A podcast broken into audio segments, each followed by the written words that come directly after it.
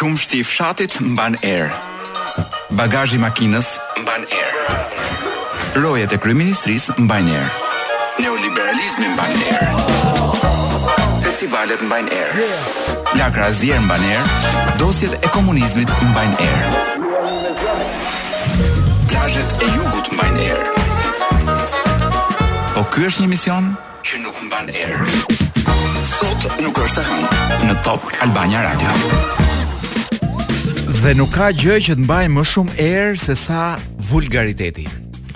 Pra të gjithë gjërat përballohen edhe korrupsioni, po themi mund të kalohet me filozofi, ëm ehm, edhe papastërtitë, edhe qyteti i rrëmujshëm, edhe genocidi urban të gjitha edhe mund të përballohen, por vulgariteti i bërtitur publikisht është pothuajse i padurueshëm.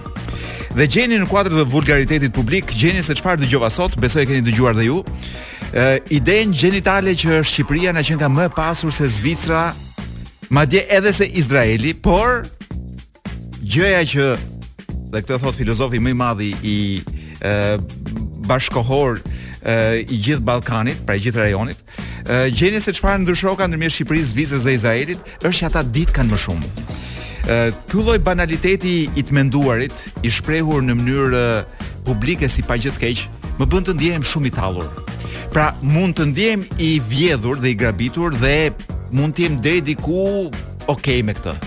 Por edhe i vjedhur, edhe i tallur, ë uh, aty seç më hipën një gjë kështu domethën, një rrënqethje edhe jam gati të iki nga Shqipëria.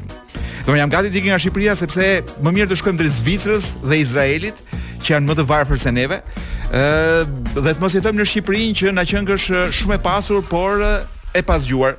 Dhe lind pyetja, Meqenëse gjithmonë faji, me sa kuptoj unë, tentohet që të lihet në gjëra që nuk mund t'i vësh përpara përgjegjësisë. Për shembull, ia vëmë gjithmonë fajin motit, edhe pse dikush mund të thotë po një sekond. Si është e mundur që në 30 vjet nuk kemi asnjë lloj strategjie për energjinë për shembull? Një vend që ka diellin, ka detin, ka pra mund të kemi edhe mund të nxjerrim energji edhe nga valët e detit po duam. Ë kemi era gjithandej, njeriu nuk nuk rri dot në këmbë në Milot se e marrin erat. Ë uji sa të duash, si është e mundur që nuk kemi energji? Pra në 30 vjet si është e mundur që nuk ka energji? Dhe Shqipëria nuk është e vërtetë se nuk di Shqipëria vidhet.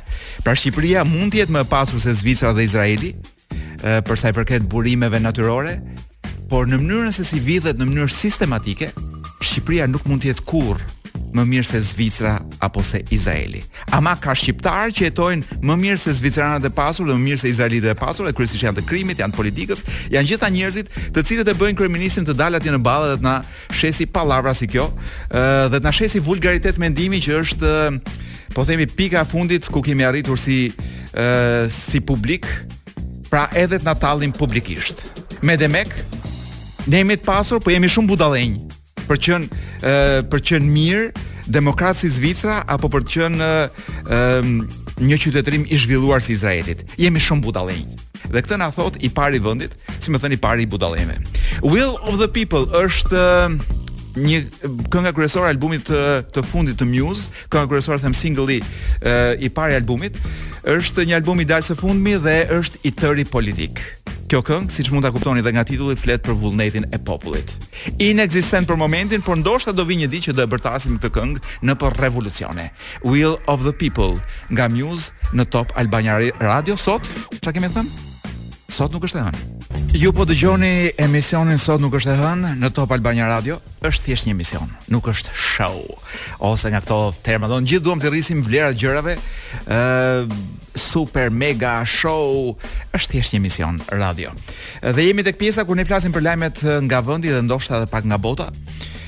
Kur themi për lajme, në fakt flasim për kryeministrin, sepse në këtë vend duket sikur nuk ndodh asgjë përveç gjërave që bën kryeministri dhe ky nuk është faji i tij, në fakt ky është faji i mediave që nuk e di pse mendojnë që asgjë tjetër nuk ka pikë rëndësie përveç gjërave që bën i pari i vendit. Pra, është një lloj dembelizmi i përzier me çik propagandë, po ç'të bëjmë. Pra ndodhin vetëm gjëra që bën kryeministri dhe çfarë ka bërë? Ah, po lexoj këtu që që e kanë zënë ngushtë, sa mund zihet Rama ngushtë, kur mediat e huaja kanë pyetur për shqiptarët që ikin me gomone në Britani. Dhe përgjigja ë e zgjuar e kryeministrit tonë, ë është që nuk e qeverisim ne veriun e Francës. Dhe këtu ka folur si lider global. Pra problemi nuk është i Shqipërisë dhe i këtyre që ikin nga Shqipëria, problemi është i atyre që nuk janë në gjendje të ruajnë kufirin e tyre. Tani ne kemi nja disa qindra mijë njerëz të varfër dhe në skamje të cilët po kërkojnë ë Francën, por ky nuk është problemi jonë, është i veriut të Francës. Ka dashur të fusë edhe konflikt mes veriut dhe jugut të Francës. Sa kopil që është. Shqiptarët me gomone drejt Britanisë, njëjta, e njëjta temë. Çuçi vetë mohon, nuk ikin nga Shqipëria, thotë, po ikin nga vendet e Evropës. Tani unë nuk e di nëse ky Bledi Çuçi është tani nuk mund të them që është i papërgjegjshëm, por mund të garantoj që nuk është fare i përgjegjshëm.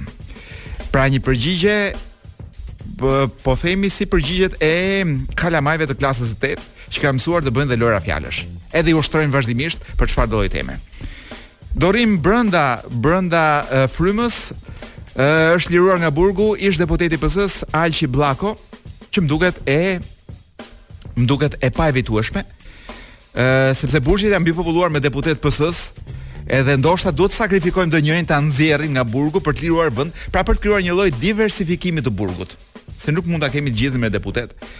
Ë, uh, jo për gjë po bie edhe niveli intelektual i burgjeve në qoftë se e mbushim me këtë racë tërë kohën. Xhorxha Meloni paska shkruar letër Berishës, fjalia i shkruan letër më bën të kuptoj që po flasim për njerëz ë që po themi mendërisht janë diku në vitet 60 të shekullit të kaluar. Ë i ka shkruar letër Berishës, letër i ka shkruar. Ju siguroj mbështetje nga qeveria e ardhshme italiane. Pra mund të themi se Berisha është Meloni Grata. Tani le ta kenë anglezët sa britanikët sa duan non grata, ky është Meloni grata. Dhe ku kemi një lajm gazmor, kanë vjedhur dy lopë në Universitetin Bu, bu, Universitetin Bubu. Do, se më ngeli kjo buja në gojë. Në Universitetin Bujqësor të Kamzës që kanë arrestuar pesë të rinj. Pra për dy lopë duhen pesë vetë për të vjedhur. Gjithë Shqipërinë e vjedhin 11 vetë. Domethënë kësaj hajde jepi dum po deshe. Unë jam do isha shumë i idesë që këta pesë të rinj së bashku me dy lopët, së bashku me dy lopët që kanë vjedhur, të fotografohen dhe t'i bëjmë poster me logon Shqipëria buzëqesh. Çfarë kemi tjetër? A një lajm për leksionet në universitetet publike? Që nga ky vit leksionet ë, në këto universitete do të jenë me detyrim. Që do thotë që ka dy mundësi, ose do të boshatisen call centerat, pra gjithë call centerat ose do të boshatisen universitetet. Dhe të gjithë e dimë përgjigjen. Pra njerëzit mësojnë më shumë për jetën në call center se sa në universitetet e Shqipërisë. Ë çfarë kemi tjetër? Robotët, dhe kemi kaluar te lajmet nga bota, dy tre kokra të vogla. Ë del që robotët po i gatuajnë patatet e skuqura më shpejt dhe më mirë se njerëzit. Dhe personalisht mendoj që është pra në lidhje me robotët kjo nuk është absolut, absolutisht gjë që më shqetëson kjo puna e perfeksionimit të skuqjes sepse unë problemin e kam me me robotët të cilët shumë shpejt do vinë na kapin nga veshi, nuk do na hapin derën, do na rrafin, edhe do na lënë në dënim për shembull kur bëjmë gabime nëpër shtëpi. Pra problemi im është tek robotët që shumë shpejt do të kenë gjithçka në dorë në botën tonë. Arabia Saudite do të organizojë lojërat olimpike dimërore aziatike në 2029-ën. që do thotë që pra don në Arabi Saudite lojra olimpike dimrore. Tani për të prodhuar këto akujt fallco, ë energjia që do harxhohet do i bë do i bëj gjithë to hallet tona me mungesë energjie të duken kështu si flatulencë milingonash. Dhe pse jo? Ku di unë, do propozoja që Tibeti për shembull të të marrë ku di unë kampionatin botëror të beach volleyt. Meqenëse është pika një nga një nga pikat më të larta të banuara të, të globit. Lideri i Bielorusisë etj etj, kemi kohë moj e dashur Kloi? Edhe një minutë. Atëherë mund të flasim pak për liderin e Bielorusisë, i cili paska ndaluar me ligj rritjen e çmimeve për t'i bërë ballë inflacionit.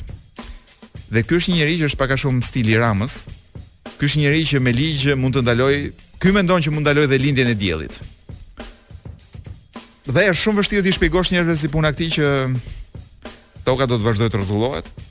Ë uh, edhe mbasi këta njerëz do të kenë vdekur dhe po i njëjti Lukashenko i paska dhuruar Putinit një traktor për ditëlindjen që më duket ide shumë e mirë, sepse kemi njërin këtu në radio që ka ditëlindjen së afërmi. Kështu që traktori në këto kohëra ë krize ekonomike edhe ushqimore rritje çmimesh, një një traktor të hyn gjithmonë në punë. Tashi nuk e di se për çfarë mund t'i hyjë në punë Putinit, por unë besoj që neve secilit prej nesh një traktor i mirë do i hynte në punë.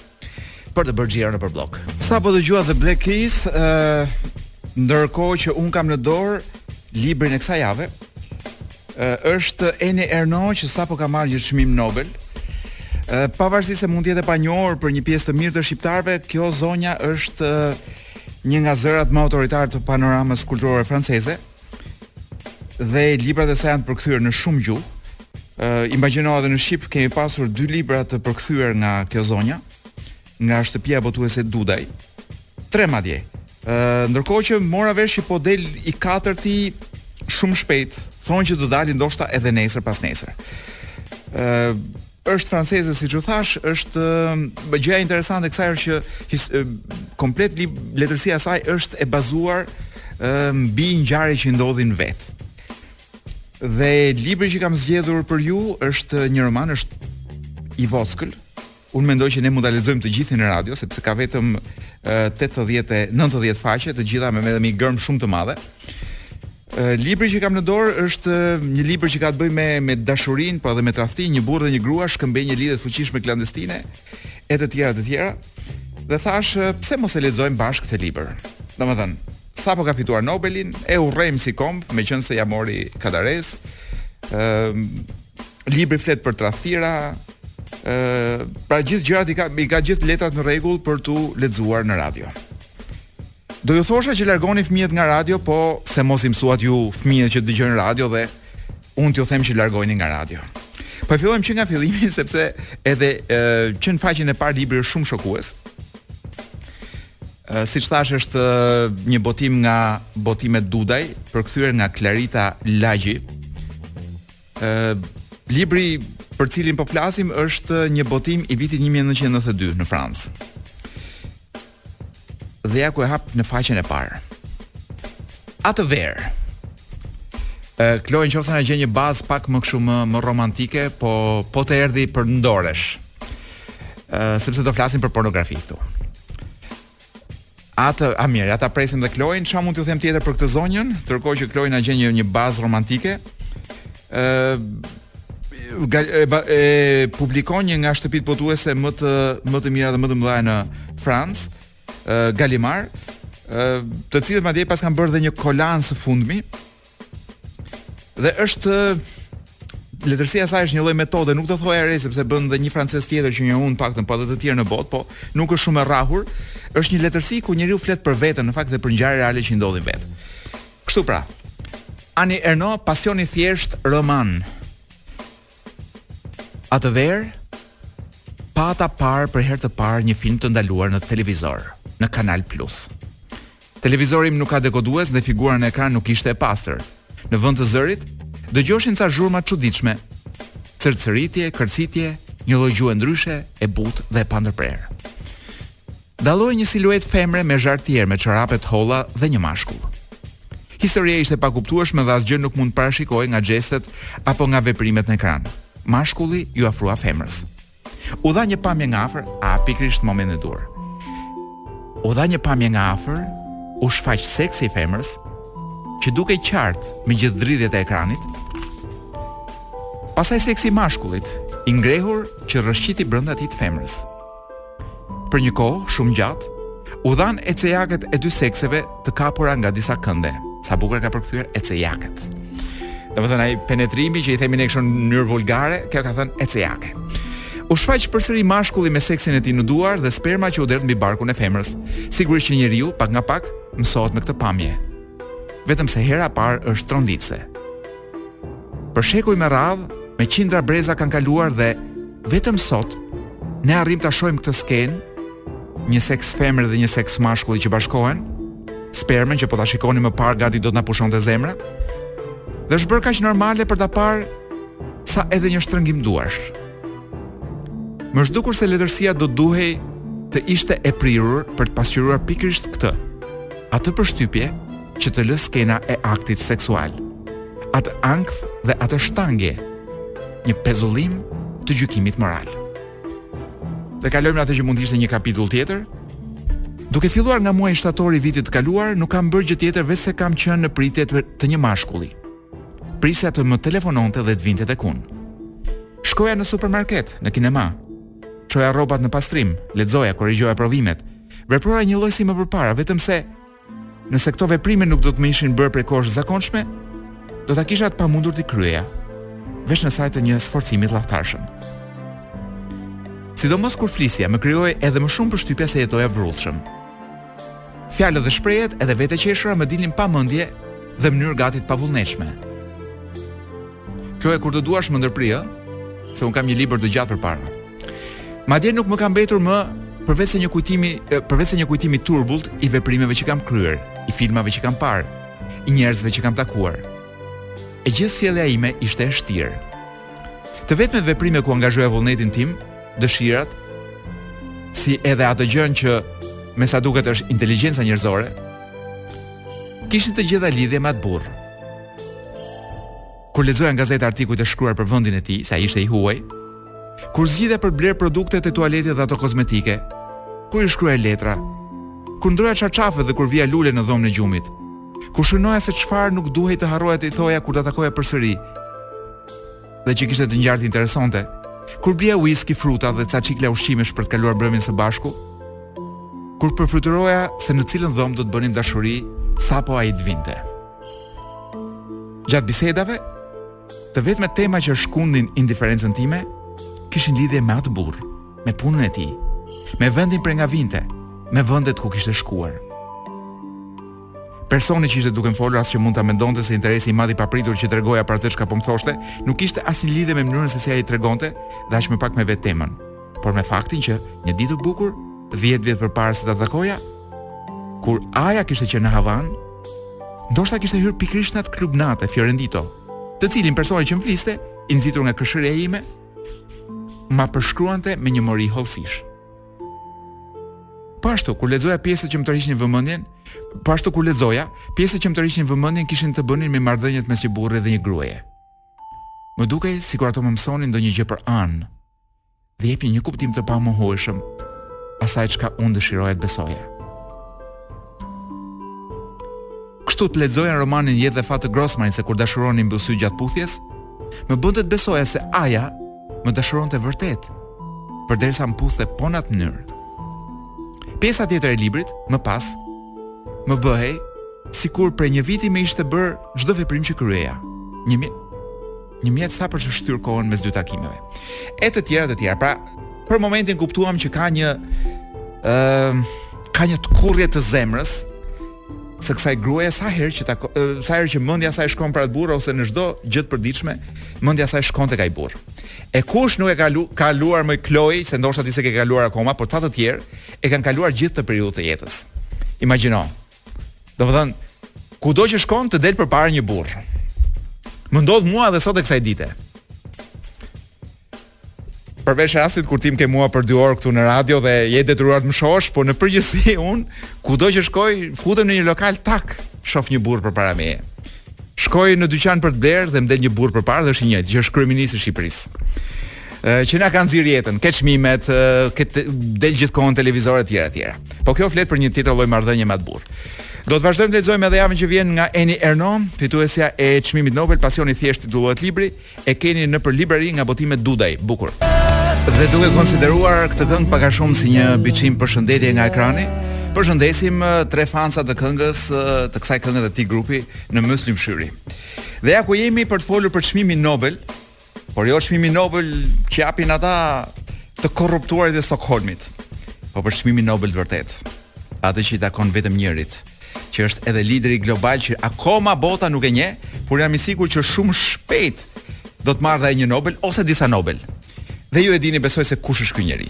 Po edhe po s'e dini, unë do ju tregoj 10 mënyra se si ky njeri ë të marrë çmimin Nobel në kategori të ndryshme.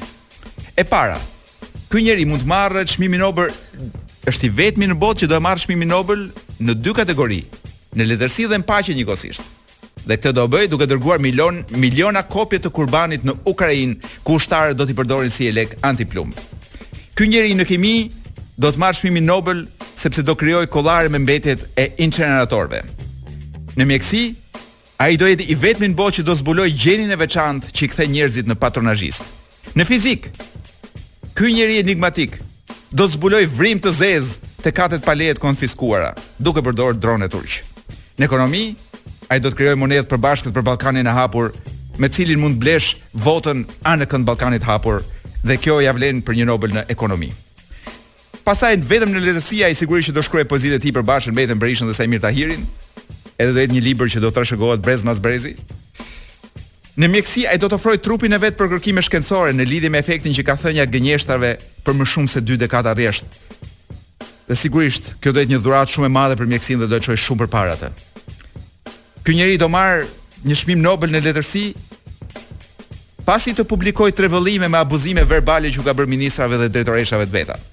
Por dhe në fizikë ka një mundësi të madhe kur të provojë që korrupsioni në Shqipëri nuk ekziston. Dhe jo kështu, ta provojë me, ku di unë, me numra, po me terma kuantikë. Sepse le të themi që as Shqipëria në fakt nuk ekziston. E çfarë është Shqipëria në fund të fundit? Përveç se ë parcela droge edhe fshatra turistikë. A mund ta quash domethënë një gjë që është parcela droge dhe fshatra turistikë, a mund ta quash Shqipëri këtë gjë? Kam frikë se jo.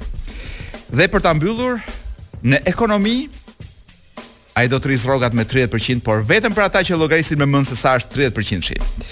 Dhe për gjitha këto, ky njeri enigmatik e meriton jo një, jo dy, po 10 çmime Nobel. Ë, mbasi mbaruam me këtë me me me me një parashikim se ç'do ndodhë me me çmimet Nobel në të ardhmen. Unë do doja që t'ju prezantoja, kemi kohë apo kemi prap kohë, Kloi? Të prezantoj ndonjë gjë apo lajmet do që të prezantoj, më thuaj. Zëre si zëre sikur jam Arbana. Unë do të prezantoj lajmet. Por dua t'i prezantoj kështu, domethënë si zonja dhe zotërinj. Bëuni gati. Jo, jo, mos më vër bazë, jo, se është është mos më vër bazat e të tjerëve sepse kush rri edhe kapet për fyti me ata. Zonja dhe zotërinj. Mbas një blloku të shkurtër publicitar në valët e Top Albania Radios. do të vijë Edi me lajmet katrahurat dhe llahtaret që ka ndodhur nga para një ore e deri tani. Në studio na është bashkuar Blerina Shehu për të kopilotuar këtë Përshëndetje, përshëndetje, mirë se të gjej. Përshëndetje të gjithë teledëgjuesve në fakt që na ndjekin, po edhe teleshikuesve. Tele, po, edhe teledëgjuesit. Kemi edhe teledëgjues. Shqipëria ça s'ka. Kolo, si ndjehesh? Ke ndonjë hall, ndonjë siklet? Ato Unë vetëm hallet e popullit mbaj Blerina. Faturat e energjisë elektrike a i ke paguar, a s'i ke paguar, jo, a të janë rënduar. Jo, po rrim bashkë me gruan në makinë për momentin. Shiko, po, po jeni që jeni në makinë, ë mund të ë shkoni diku sepse më në fund i gjehet zgjidhja të gjithë. Do gjejmë parkim thua? Të gjitha halleve të shqiptarëve.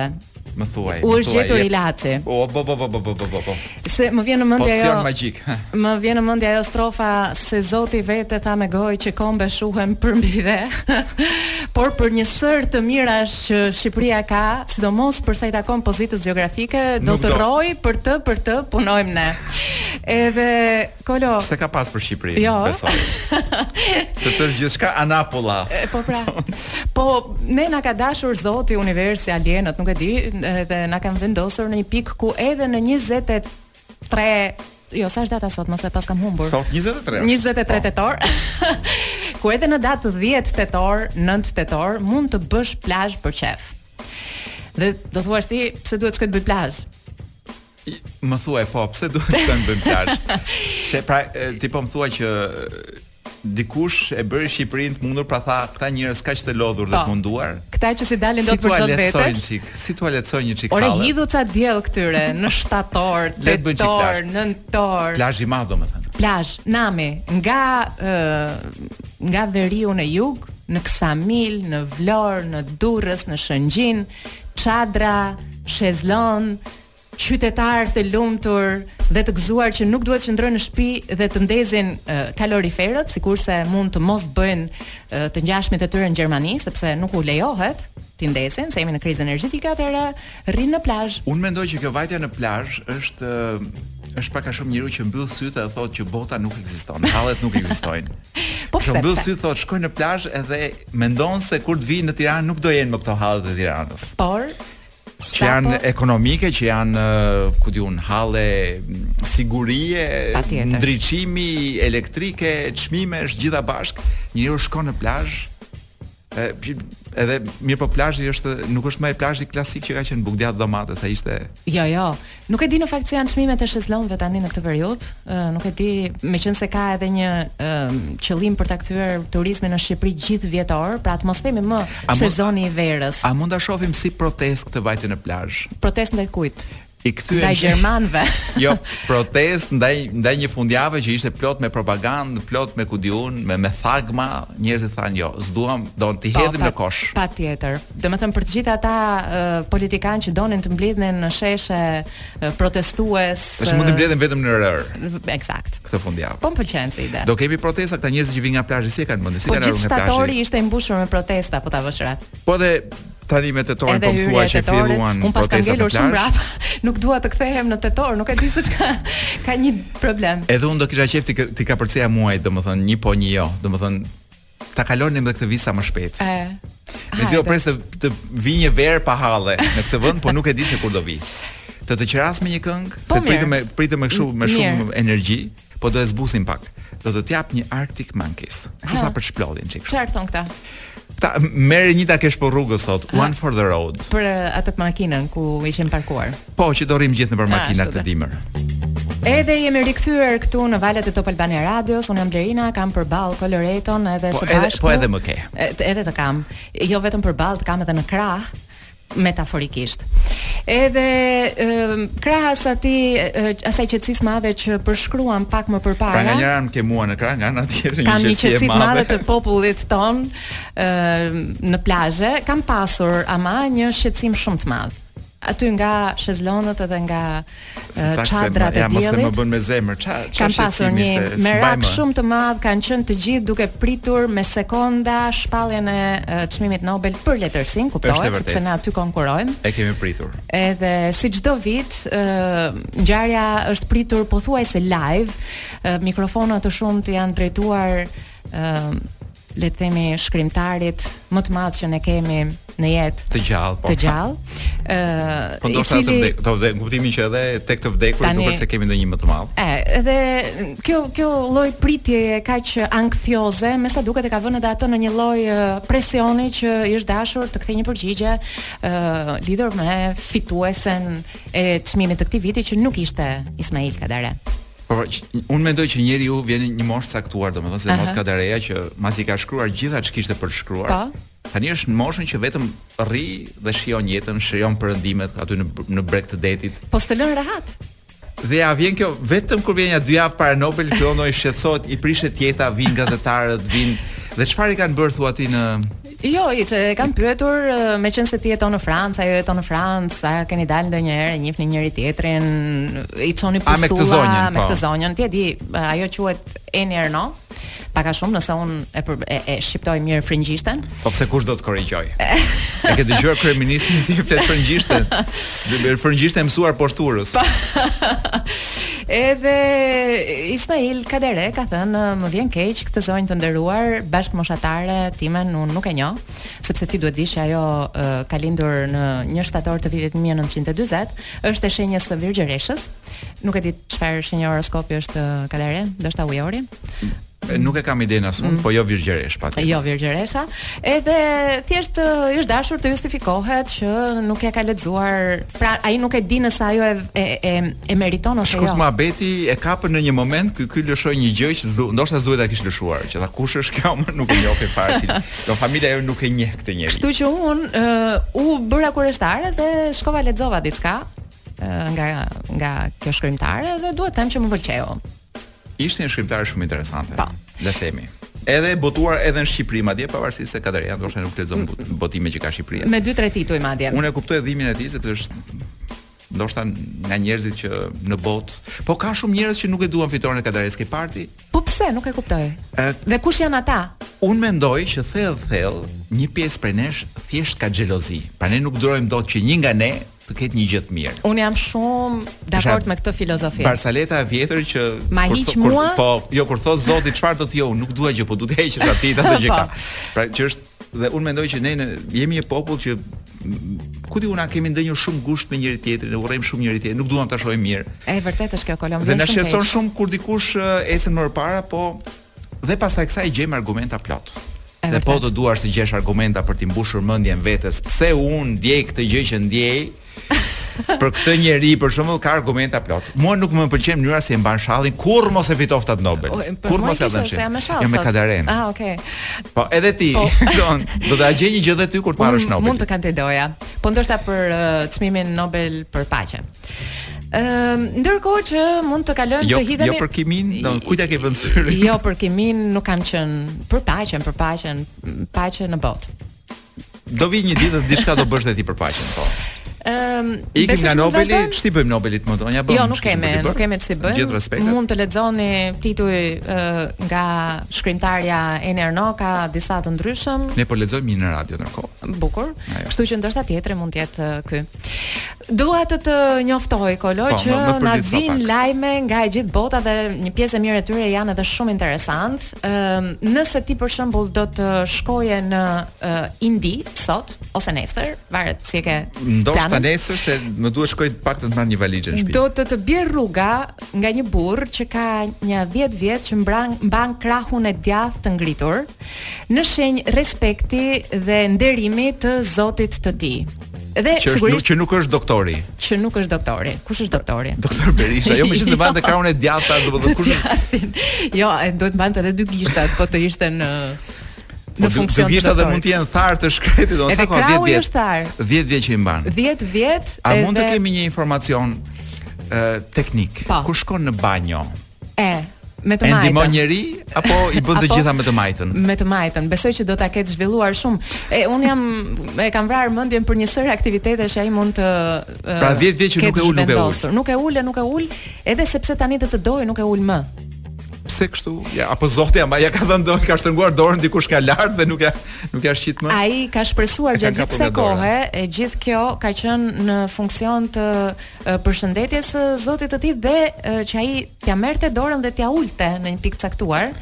Por po zoti ka një sens humori të pakuptueshëm nga indianët dhe ja mbajti lart. Dhe ja mbajti lart. Për 10 vite ndërkohë dikush tjetër më përpara e ka mbajtur për 38 vite, domethënë Kolo. Dorën lart. Dorën lart. Nuk e di të majtën apo të djathtën, po edhe ai ka çuar dëm një sërë aktivitetesh Që shumë njerëz do donin t'i bënin me të dyja duart. Pra njerëz që ti nuk do doje t'i takoje në aeroporte.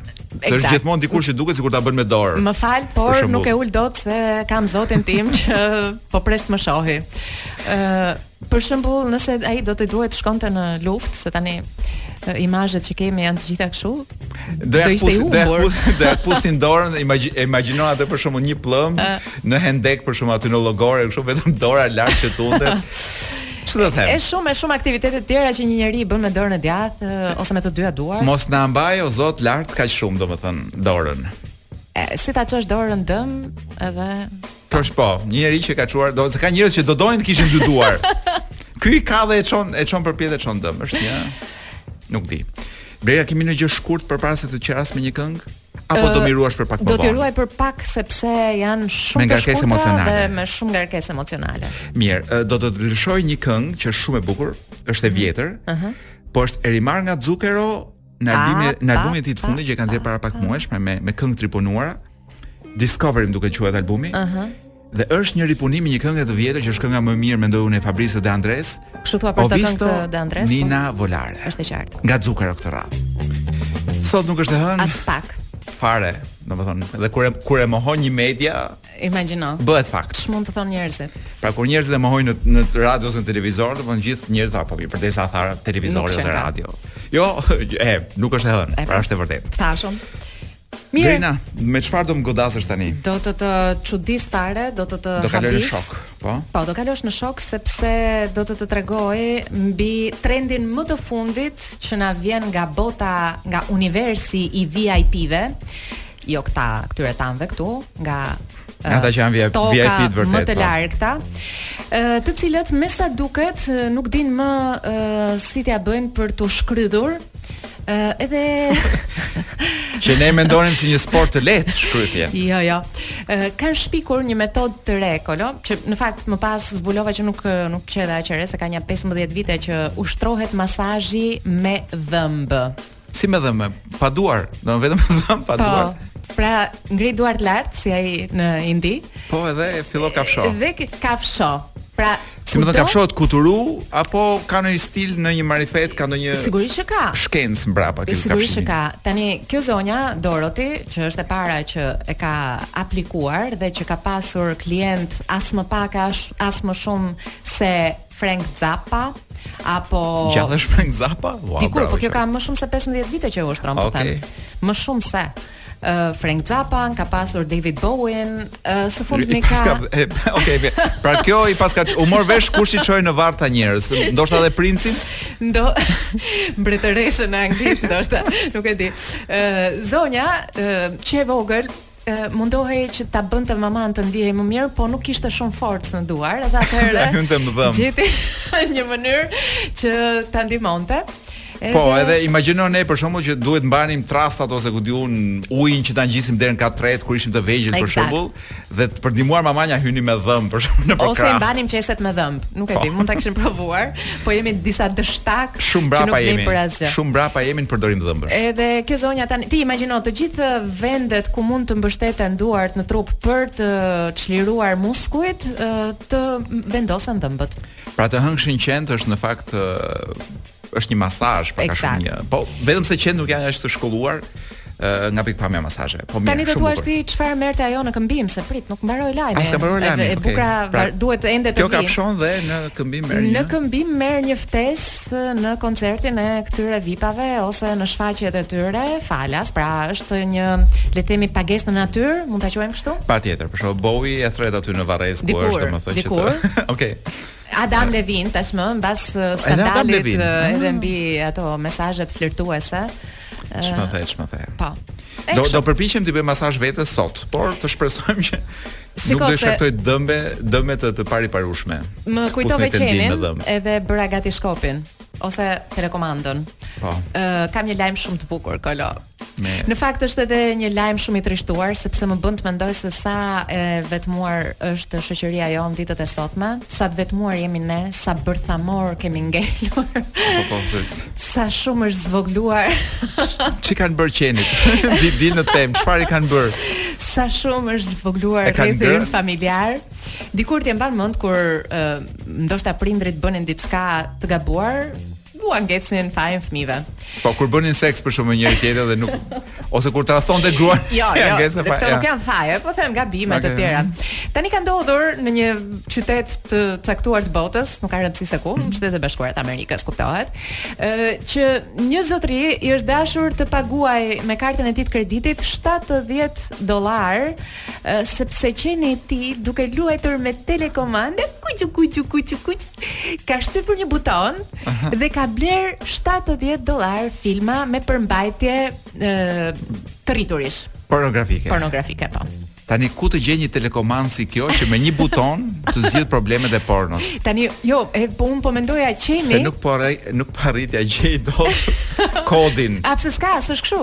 Jo nuk e di, është duhet jetë një telekomandë përderisa një qen domethënë po, apo i ka bërë Zoti gjitha dhe ja ka rrasur qenit. Jo un tani kuptoj atë shprehjen më mirë një qen se sa një mik, si është që kur njoha njerëzit, kur njoha qen dhe kur, kur si ishte? Pak a shumë don, njofta edhe këta dhe këta, po më shumë më pëlqejnë këta. E, tani Problemi është që ky Jam shumë kurioz s'e di çfarë gustosh kishte qeni në film erotik. Këtë nuk di të ta them, të drejtën, por gjëja më interesante në të gjithë këtë histori është që qenit i ka shkuar gjuha aty ku i ka dhëmbur dhëmbi pronarit. Patjetër, qeni me pronarin e kanë gjithmonë këtë lidhje. I zoti shef porno qeni i shtyp në telekomand. Dikur e çonin vetëm për të marr gazetën, qenin tashi themi shko më bli çik porno. Tani i mësojmë edhe butonat po. e telekomandës. Ndërkohë, Po ashtu një tjetër lajm shumë interesant ishte ai që bëri shumë bujë 2-3 ditë më parë, nuk di eksaktësisht kur, kur në Twitter u shfaq nën emrin e ose nën profilin e portierit të kombëtares spanjolle Casillas. Ëh, mm -hmm. a po lajmi citimi. Po, po, po. Jam gay. Një lajm që na i ngriti zemrat pesh të gjithëve. U ndjeve keq? Jo, u ndjeva mirë. U ndjeve mirë. Po. Dhe shumë të tjerë janë ndjerë mirë deri në momentin që Se mua unë mendoj që problemi është që nuk i themi gjërat. Pra unë mendoj që problemi i vërtetë i botës janë janë gay që nuk kanë guxim ose nuk kanë kurajë apo fuqi ta thonë, po kur Casillasi vet e thot, e thot, e them bravo qoftë. Po, ku i shtrëngoj dorën nga larg. Kur qeni i Casillasit e fshin mesazhin. A pse oh po se mesazhi u fshi. A ja ka fshir qeni, qeni, e Jo, qeni i atij zotris që bleu po filma qen... porno, porno për një qen tjetër. Pra I qeni ka fshi. Gjithmonë e bën qeni këto gjërat për shembull. Do dëgjojmë që filani ku di un vrau dikë, po E bëri qeni, e shtypi tre herë pistoletën. Eksakt. Tani nuk e di nëse ka ose jo qen Madonna, por uh, un rrugës duke ardhur për këtu lexova që edhe Madonna ka dalë me një status në uh, TikTok në një video në fakt. E, kjo një histori me qen aman se paska, paska qenë një një një një javë jo, për qen kjo. Jo me qen, kjo me gay. Ah, me gay prap. Okej. Okay. Ka thënë uh, un jam gay, por Në fakt, ka bërë një lojë. Për të sqaruar njerëzit, Madonna është një është pak a shumë mosha e mbretëreshës së Anglisë. Jo, jo. Mos e ekzagjero tani. Është një 30 vjet më pak. Po ja, diku te 80-90. Është boll e vjetër, domethënë. Mbaj mend që bënte foto, ku di un, foto nudo që Kur ne ishim tani. Po është këngëtare, për po. ata që nuk e njohin, Madonna është një ish këngëtare, tashmë një gjyshe e nderuar. Po. e cila do të jetë në të eci me hapin e kohës. Po, dhe është futur në TikTok dhe çka bër? Edhe ka nxjerr një palë të mbathura pink, edhe po, po, po, i thot kamerës që nëse un bëj kosh tek ai koshi aty me këto mbathjet, do të thotë që jam gay. Plani tjetër i filmit është që mbathjet janë për tokë. Por pra i bie që me, me logjik, pra me rregull treshi. Treshi i bie që jo. Tani nuk e di pse janë angazhuar një sër uh, gazetarësh të kronikës së rozë dhe të tjerë të tjerë dhe kanë shkuar të gjejnë uh, intervista ndër vite dhe dekada të Madonës ku um, ndoshta në një mënyrë të fshehtë, siç po thoja pak më përpara, pa guxim të madh, mund të ketë lënë të kuptohet mes rreshtave që ajo në fakt mund të jetë gay. në në 90 apo 100 vitet e karrierës së saj, të suksesshme muzikore, Madonna ka bërë plot nga këto gjëra. Ëh. Uh -huh. Por eh, mua më habit shumë fakti që pavarësisht se ka, kudi un, është jashtë vëmendjes edhe muzikore tashmë, fakti që arrin të bëj me TikTok buj botërore dhe të ndërtoj lajme dhe të bëj njerëzit të flasin dhe radio për të. Bravo i qoftë. Do i kisha shtrënguar dorën nga larg edhe kësaj. Atë të djathtën. Po atë që mbaj lart, dorën dorën që mbaj lart gjithmonë do e kisha shtrënguar. Kështu. Tani nga Madonna do të shkojmë në një ngjarje tjetër shumë interesante Kolo, sepse tentativat e fuqive ndërkombëtare për të vendosur paqen midis dy vendeve në luftë, Ukrainës dhe Rusisë, janë shtyrë dhe po intensifikohen shumë dhe kanë zbritur edhe në fushën e showbizit. Ë mësohet se në një kompeticion bukurie së fundmi dy përfaqësueset e shteteve në konflikt janë vendosur në të njëjtën dhomë. Në, në një mis nga këto bota, mis universi. Eksakt. Mm -hmm. Nuk ka rëndësi se cili konkretisht, por janë forcuar të qëndrojnë në të njëjtën dhomë. që të bëjnë paqe. Që pra, paqe dhe po arritën vi... ta bëjnë ato të dyja në një dhomë, domethënë. E ke dëgjuar që miset thonë gjithmonë paqe në botë. Po patjetër, ky është uh, momenti që miset vërtet apo. Dhe nuk ishte e vërtet. nuk bën paqe. Po u shërrosën, u rrahën, u kapën për flokësh. Ah. Atë mërsme. Dhe kush e fitoi çmimin e madh? Nuk e di, nuk ka rëndësi. Apo. më pra miset po më thua që kur flasin për paqe në botë, nuk janë të vërteta. Nuk janë të sinqerta. Pra, mjafton t'u japësh një shans për ta bërë vërtet paqen në botë dhe nuk e arrin. U shtrëngoj dorën nga larg të dyjave. Ndërkohë mund të të them gjithashtu që me ngjarjet më të fundit, meqenëse jemi në këtë atmosferë aspak të këndshme luftarake, Ë, e ke parasysh atë? Kur dhe miset zihen. Kur dhe miset zihen, së fundmi është ka pasur një atentat në atë urën që lidh Krimenë me me Rusinë. Po, e kanë shpërthyer, kanë hedhur në erë. E kanë hedhur në erë dhe janë intensifikuar edhe kërcënimet e atij zotërisë në krye të Rusisë. Po. Për një luftë nukleare. Dhe çfarë ndodh tani? Çfarë do bëje ti në një lajm të tillë? Në një lajm të tillë, unë pra nëse fillon një luftë nukleare. Po. paralajmërohet. Unë do doja të pija një kafe të mirë. Pra të, të më gjente ky lajm duke pirë një kafe të mirë. Unë për vete do shkoja në plazh. Sepse nuk kam plan të bëj asgjë. Unë do shkoja në plazh. Edhe e. një 2-3 ditë të tjera që vijnë kemi me diell janë të mira. ë këtë javë, kështu që Por le të themi që qetësojmë publikun që këto lajmet nuk kjo jo, jo, puna e luftës nukleare nuk, nuk është. Fare, nuk është e vërtetë, madje ë Joe Biden. Jo, nuk është e vërtetë, por rreziku është minimal, është pothuajse zero. Nuk e themi dot? Jo, nuk e jo, do e themi edhe këtë gjënë, po Kloe u bezdis nga gjithë ato muhabete me Kloe na fal, po janë në ardhje 290 milion dollarë ilaçe antiradioaktive në Shtetet e Bashkuara, janë në në vajtje, domethënë se këtu nuk do vijë gjë. Po e ke parasysh si si ti që ble, ble xhupin për dimër? Këta ilaçe radioaktive. Pa.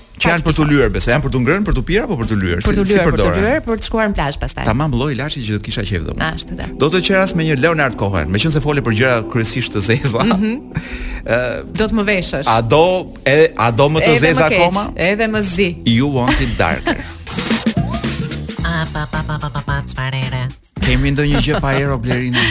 Mund të themi ndonjë gjë pa erë. Kemi një studim të freskët fare që nuk ka pasur kohë ende të ë të ftofet. Të mbajë erë. Po s'ka rënë në tokë akoma. Sepse sapo ka dalë, na vjen nga Norvegjia dhe Shtetet e Bashkuara të Amerikës. Kanë marrë një sërë burrash dhe grash dhe i kanë pyetur se si do të do t'ia bëni që të keni një e, efektivitet sa më të lartë në flirtet tuaja për të pasur marrëdhënie sa më afatshkurtra. Domethënë halli është si t'ia bëjmë ne që duam të kemi marrëdhënie one night stands Ëh? Po me marrëdhënie biles one night, ajo nata më duket shumë e gjatë, po ndoshta edhe më shkurtër, po. Se ky qenka halli domethënë. 12 minuta stand për shembull. Si ia bëjmë një 12 minute stand? Eksakt. Edhe të tërë burra e gra me radhë i janë nënshtruar këtij pyetësori dhe na paska rezultuar Kloe që teknikat për të joshur uh, sekset e kundërta sepse bëhet fjalë për, për marrëdhënie të shpejtë, po. Mes sekseve të kundërta për një gjë të shpejtë janë shumë të ndryshme. Oh. E para një herë Mos mendo se nëse Shkollaj. një vajzë uh, është duke prekur flokët apo duke të të shkelur syrin. Siç ndodhte dikur, domethënë. Siç ndodhte dikur, edhe unë atë isha duke menduar si ia kemi bërë ne një herë e një kohë domethënë. Që jepje sinjale kështu domethënë, ja të të binte koka në jo, tokë. Jo, jo tund pak këmbën. Hidhi andej, hidhi këtej. Jo të binte një gjë në tokë që të binte ta ngrinte dikush s'ta jo, ngrinte asnjëri. Jo, po shko në banjo, varavingo 20 herë bëj gropa. Po, ajo rruga e shkreta të po. Tani të gjitha këto nuk duan të thonë asgjë. Në plehra, në kosh, në kosh. Vajzat, gratë që duan të kenë një marrëdhënie afat shkurtër, duhet të jenë të, të qartë, vlla. Jo, duhet të ta thon troç. të dalë. Dua. Të dalin rrugëve duke bërtitur. Eksakt. Edhe ashtu edhe jalla. Kurse, me sa duket për burrat nuk mjafton as kjo. As të bërtiturit, dua seks. të shpenzohen në teknika të shumëfishta. Krahas kësaj, përveç se duhet bërtasin dua seks duhet hedhin dhe çelsat e Audit mbi tavolinë. Duhet të tregohen të mbajnë numrin e dhomës lart e dhomës lart në dorë që e kam dhomën gati, nuk do humbim kohë. Te dora krahu lart. Po më fal se ngrita dorën e gabuar. duhet të tregohen të ndjeshëm kolo. Domethënë ndërkohë që se kuptoj. se si mund t'i bësh të dyja ato? Nuk e di. Ja, edhe një... Audi, por dhe, ti pse ke Audi që mos jesh i ndje, ndjeshëm? Do pse ja çelsat mbi tavolinë makinës? Duhet të tregohen uh, që janë të Range-it më fal se Audi ndoshta është kështu demode. Tashmë. Duhet të tregohen që janë të ëmbël, që u intereson e ardhmja jote. Dhe si pra, bëhet pra, kjo duke derdhur sheqer mbi tavolinë? Nuk e di, janë teknika që duhet të zbuloni vetë. Nuk është që mund t'ja japim gati të gjitha kolo. Un un propozoj sheqerin. Do kapni kuti sheqer aty dhe shkundeni lart e poshtë, domethënë do tregoni ëmbëlsi maksimale. Ndërsa, nëse doni të keni marrëdhënie afatgjata ju burra, duhet të tregoni edhe shumë bujar, bujari, bujari, nuk e di si tua themi ndryshe më. Nuk mjafton hedhja e çel, jo. Do çelsa, jo. Po pse më ishte shumë e thjeshtë me çelsa? Gratë që duan të kenë marrëdhënie afatgjata, nuk mjafton vetëm që tu hidhen në qafë partnerëve të tyre, Por duhet edhe të qeshin kot me budallëqet që ata thon, sepse burrat, me sa duket, Por jo gjatë ndjehen të seksit. vlerësuar. Mos qeshni me të madhe gjatë seksit. Pra nuk po flasim për këtë. Por duhet të qeshni në çdo ambient tjetër ose çdo tjetër muhabet. Si më thënë të zgërdhiheni kështu. Pra zgërdhirja është kyçi i Një marrëdhënie afatgjat Dhe kur themi afatgjat, themi një javë. Vite, vite. Po flasim me vite, po. po klasë me vite. Tani kam dy shembuj që vijnë nga një tjetër kontinent, njëri nga Kina dhe tjetri nga Japonia, të cilët me të gjithë këto teknika janë dy zotërinj shumë të nderuar. Pra kanë aplikuar këto teknika. Kanë aplikuar dhe nuk u kanë rezultuar sepse siç thash, kjo ishte një studim, ky ishte një studim që vjen nga Shtetet e Bashkuara të Amerikës dhe Norvegjia. Nuk e dimë ne. Bot tjetër ajo. Bot tjetër. Tani në Kin, një zotëri shumë i nderuar me profesion IT, ë pasi ka kërkuar me vite të tëra ngri njërin krah, ul krahun tjetër, hidh çelsa mbi tavolinë, jo prek flokët e tjera. Ka thënë stop, un do ta krijoj vet gruan time, do marr dhe do ndërtoj një robot. Ore çfarë thua ai tha ky japonezi? Okej, thashë se vajti në, në maternitet të zgjidhte. Kjo është, këtë dua, do e rris vetë kjo. Klasikja shqiptare do e rrita vetë. E rrita vetë, jo. Ai e ndërtoi, edhe tha, është që është kjo dhe mund të flasë, madje mund edhe të bëjë punë të shtëpisë. Roboti. Roboti. Pra, ja kur thua edhe mund të flasi, pra i bën i bën gjithë ato të tjera. Po, po. që duhet bëjë një grua. Le të japim edhe aftësinë për të folur, le të japim edhe aftësinë për të. Që ka treguar shumë zemërgjerë, që mirë, gruaja e bën gjitha, seksin e gjitha dhe ky i jep dhe mundësinë për të folur. Dhe pasi e dëgjoi këtë gjë, një zotri nga Japonia tha ore ç'thua ti unë kam 4 vite që jetoj me një hologram që e kam ndërtuar vetë. Kemi një jetë fantastike e të lumtur. Blerina ishte gjëja më mirë për ta mbyllur këtë darkë. Unë do të qeras ty dhe gjithë publikun me me një hologram. My Chemical Romance. Me një romanca ime kimike. Summertime, ne rikthehemi pas një jave në Puç puç, sot nuk është e hënë.